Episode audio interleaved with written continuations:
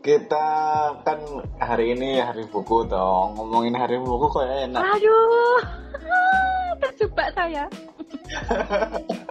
kenapa? Kenapa? Ketahuan nih, nggak pernah baca buku. ya, kita ngomongin hari buku apa buku pas uh, bisa kamu apa sampean kenal buku Kondi ya siapa sih kenal nih Mbak Vita dengan buku dulu Yo pastinya dari kecil lah ya. Iya, sopo orang tua, bos sopo. Yo pasti pertama kali kan orang tua kan. Mm -hmm. Tempat apa ya? Pendidikan pertama. Mm. gitu. Aku harus uh, mau bilang di TK atau guru, ternyata kan kamu tanyanya yang pertama kali ya pastinya mm. orang tua dong. Hmm. Berarti dibelikan majalah apa? Oh, tidak pernah dong. Atau apa? Atau apa bentuknya bukunya itu? Oh, nggak pernah, nggak pernah. Aku kayak kayak kebanyakan orang nggak pernah.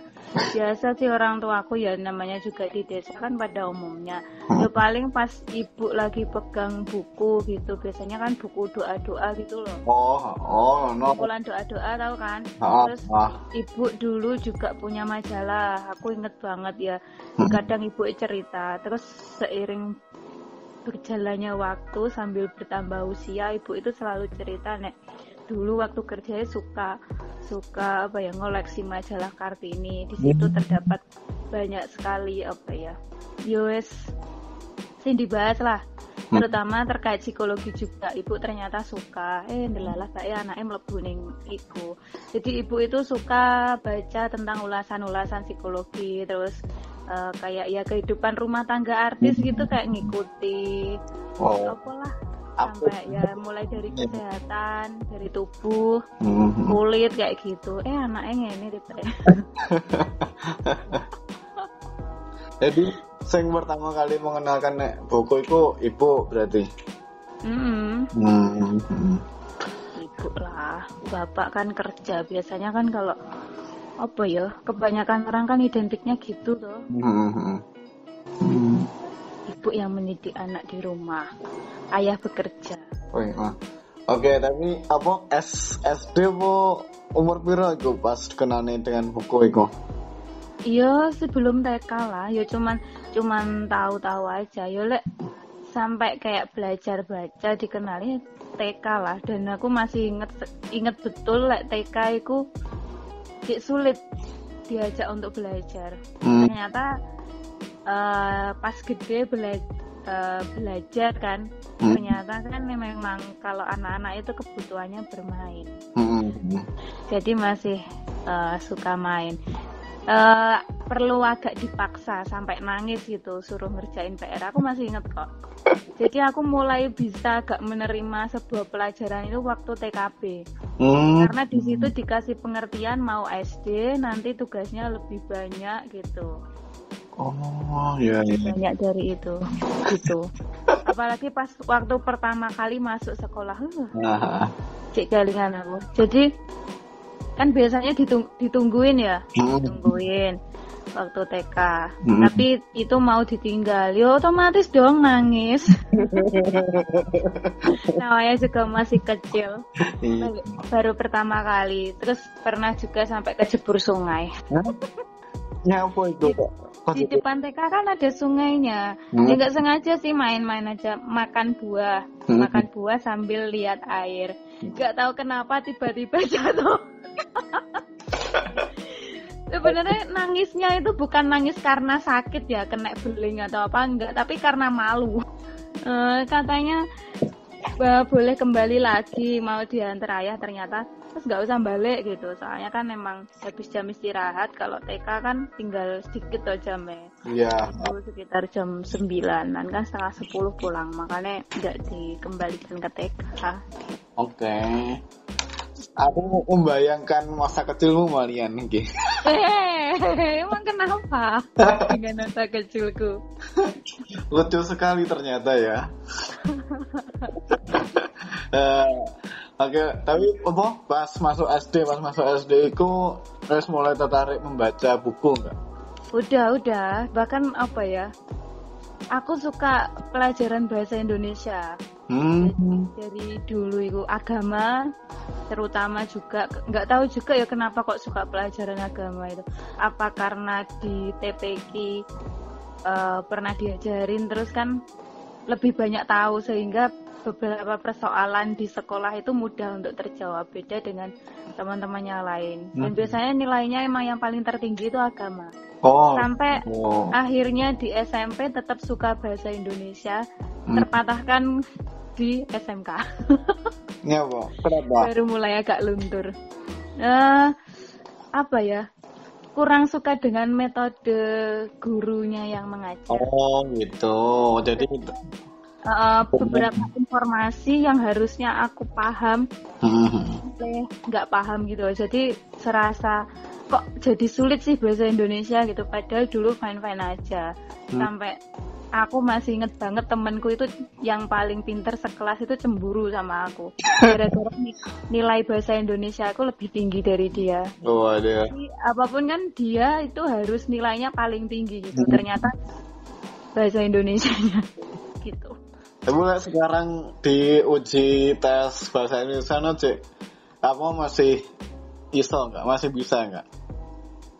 yang kayak gimana tapi yo? soalnya sekarang sama dulu udah beda sekarang update banget ya kayak eh ya apa ya kalau bahasa Indonesia sama bahasa Inggris ada yang bilang itu lebih sulit bahasa Indonesia tapi tak akui memang gitu kalau Mhm. bahasa Inggris kan kamu nguasain verb atau rumus-rumus gitu ya wes kamu suka cukup ya. Kalau bahasa Indonesia ini menurutku lebih ke sambil keperasaan juga selain kepikiran itu. Hmm. jadi dulu guru bahasa Indonesia aku juga bilang gitu waktu menjawab. Kadang kunci jawaban itu sama yang dipikirkan beliau itu ya emang beda gitu. Makanya eh, di ujian nasional ada yang mengatakan gitu nggak nggak bisa ada yang bisa sampai 100 bulat gitu kecuali keberuntungan Karena menurut bahasa Indonesia itu kalau aku sih ya mandangnya tiap tahun mesti ada kata-kata yang baru gitu loh. Iya nggak? Hmm, apa ya?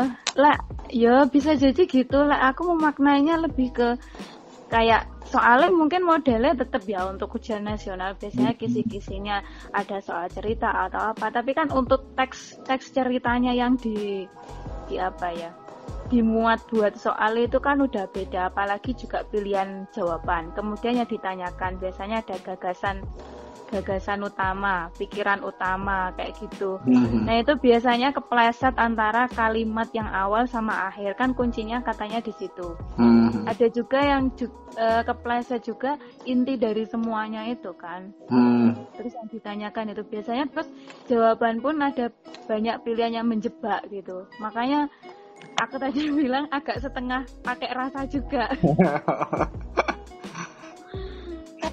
Dan- Jadi karena bahasa Indonesia pakai perasaan itu penting ternyata ya. Iya penting.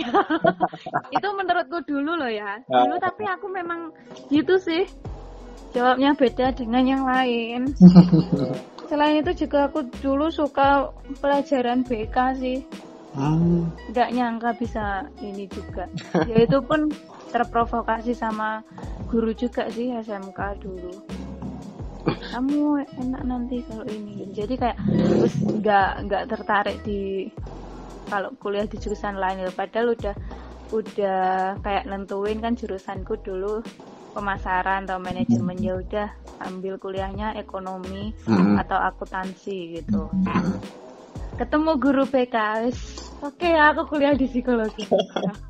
Jadi BK yang merubah nah apa? Merubah arahmu untuk ke jurusan psikologi.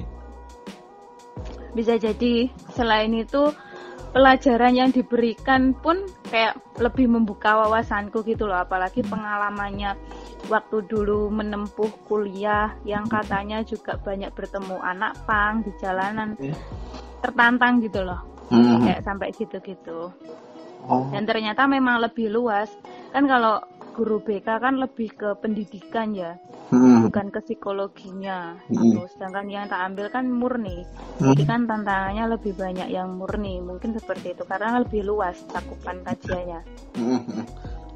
Oh iya, kembali lagi nih, oh, random banget kita ngo- ngobrol ya. Heeh. emang aku orangnya random Oke, Mbak Nek, hari buku ya, bahas tentang buku lah. Eh, genre yang paling disukai Mbak Vita ya apa? Ter- apa genre buku? genre buku yo pastilah tentang keilmuan tuh aku gak munafik tapi biasanya setiap orang kan beda-beda ya ada yang jurusan psikologi ternyata yang disukai genre yang lain tapi kalau aku memang dari awal menentukan langkah pengen kuliah di sini Hmm. otomatis hal-hal yang berbau psikologi aku suka gitu. Hmm, berarti pun buku pasti aku cari yang ada hubungannya dengan psikologi gitu. Berarti novel ala biasanya apa remaja dewasa dewasa sing seneng novel gitu berarti wah cari novel sing enek psikologi psikologi nih ngono iya nggak Iya, iya betul. Kalau nggak gitu ya mungkin ya yang sing apa ya? Hal-hal sing sing apa ya? Sing sing sing sing sing populer pun di saat ini yang disukai anak-anak itu pun ya kadang tetap tetap ingin baca juga, tapi lebih tertariknya bukan bukan karena kemauan, tapi lebih membaca keadaan gitu. hmm. Jadi sebenarnya apa sih sing disukai anak-anak anu sing saiki kok sampai buku iku laris banget misal seperti itu. Jadi terus punya keinginan ingin membeli terus isinya apa sih? Gitu. oh berarti anu ka- kamu apa ngikut trending Eh bukan ngikut trending apa ya? Ngikut trendingnya itu dalam tanda kutip untuk menganalisis gitu loh. oh no oke oke Kan beda ya. eh kamu tadi kan tan- tanyanya yang suka. Iya. Ya suka ya aku yang bergenre psikologi pastinya. Tapi kalau ada yang populer itu biasanya kan memang gitu kan. Orang psikologi harus pandangannya luas. Ada yang bilang seperti itu, berkembang. Hmm. Ya segitulah biar tetap nggak tertelan zaman. Karena kan objeknya emang manusia. gitu. Nah, tapi eh, genre bukumu pas waktu kuliah sama pas waktu masih jadi anak SMK sama nggak? SMK SMK kayaknya nggak pernah baca buku deh. Ya karena emang circle-nya itu beda ya. Oh, iya. circle orang desa apalagi temen-temennya nggak suka. Apalagi kalau usia remaja kan mudah dipengaruhi toh. Hmm. gitu. Terus apa ya? Ya segitulah kalau zaman SMK lebih ke kayak eh, ya wes ikut alur rutinitas ngerjain tugas jalan-jalan kadang-kadang gitu udah apa ya banyak tugas gitu wes ya tentang akuntansi pasti beda lagi kalau kuliah kan emang kayak memberikan ruang sebebas-bebasnya kamu bolos kuliah pun karepmu jadi kan punya kesempatan kesempatan lebih untuk menyelami apa yang kita suka apa yang kita ingin tahu Hmm. gitu. Nah, aku sendiri kan SMA aku mulai suka buku ini iku apa komik. Nah, SMK mulai ke novel. Hmm. Aku mungkin nah apa pas kuliah ya apa hal buku-buku hal yang menjurus ke jurnalis media atau komunikasi Wih, kuwi sih. Mantap. Oh ya, ya kalau dulu SMK ya pasti pada umumnya novel lah ya kan belum tahu yang lain-lain beda kan eh, untuk circle-nya orang-orang yang mungkin lingkungannya ada dari ayah atau kakak Hmm. punya koleksi novel atau ada yang ngasih tahu ini loh buku bagus bacaan gitu Hmm. kan beda gitu Hmm. ya gitu sih. Kalau kuliah lebih ini dan saya kayak menemukan banyak banget. Sekalipun kuliah di IAIN Kediri loh ya. Beneran kalau ketemu orang yang tepat buat mengarahkan gitu enak. Hmm. untungnya gitu ketemu kakak tingkat ya yang lumayan rajin gitu. Jadi disarankan eh, ke perpus seminggu berapa kali gitu kalau perlu setiap hari baca apa pun itu. Ya dulu semester awal-awal gitu. Makanya sampai kayak hafal itu rak bagian mana bagian agama di mana bagian pendidikan di mana. Nanti kalau ketemu temen di perpus mesti tanya iki panggone iki ning ndi? Ngono. Panggone tak tapi gitu ya. panggone tak sing awal bukunya ya gak diwaca kamu Aduh, aduh, aduh. Pokoknya yang berbau psikologi itu tak baca. Hmm. Tapi oke terima kasih apa wes menerima ajakan buat podcast via telepon. sama-sama Kak Fajar sukses Iya. selalu Ya, udah lulus semangat amin. Semoga Mbak Vita sehat-sehat. Assalamualaikum. amin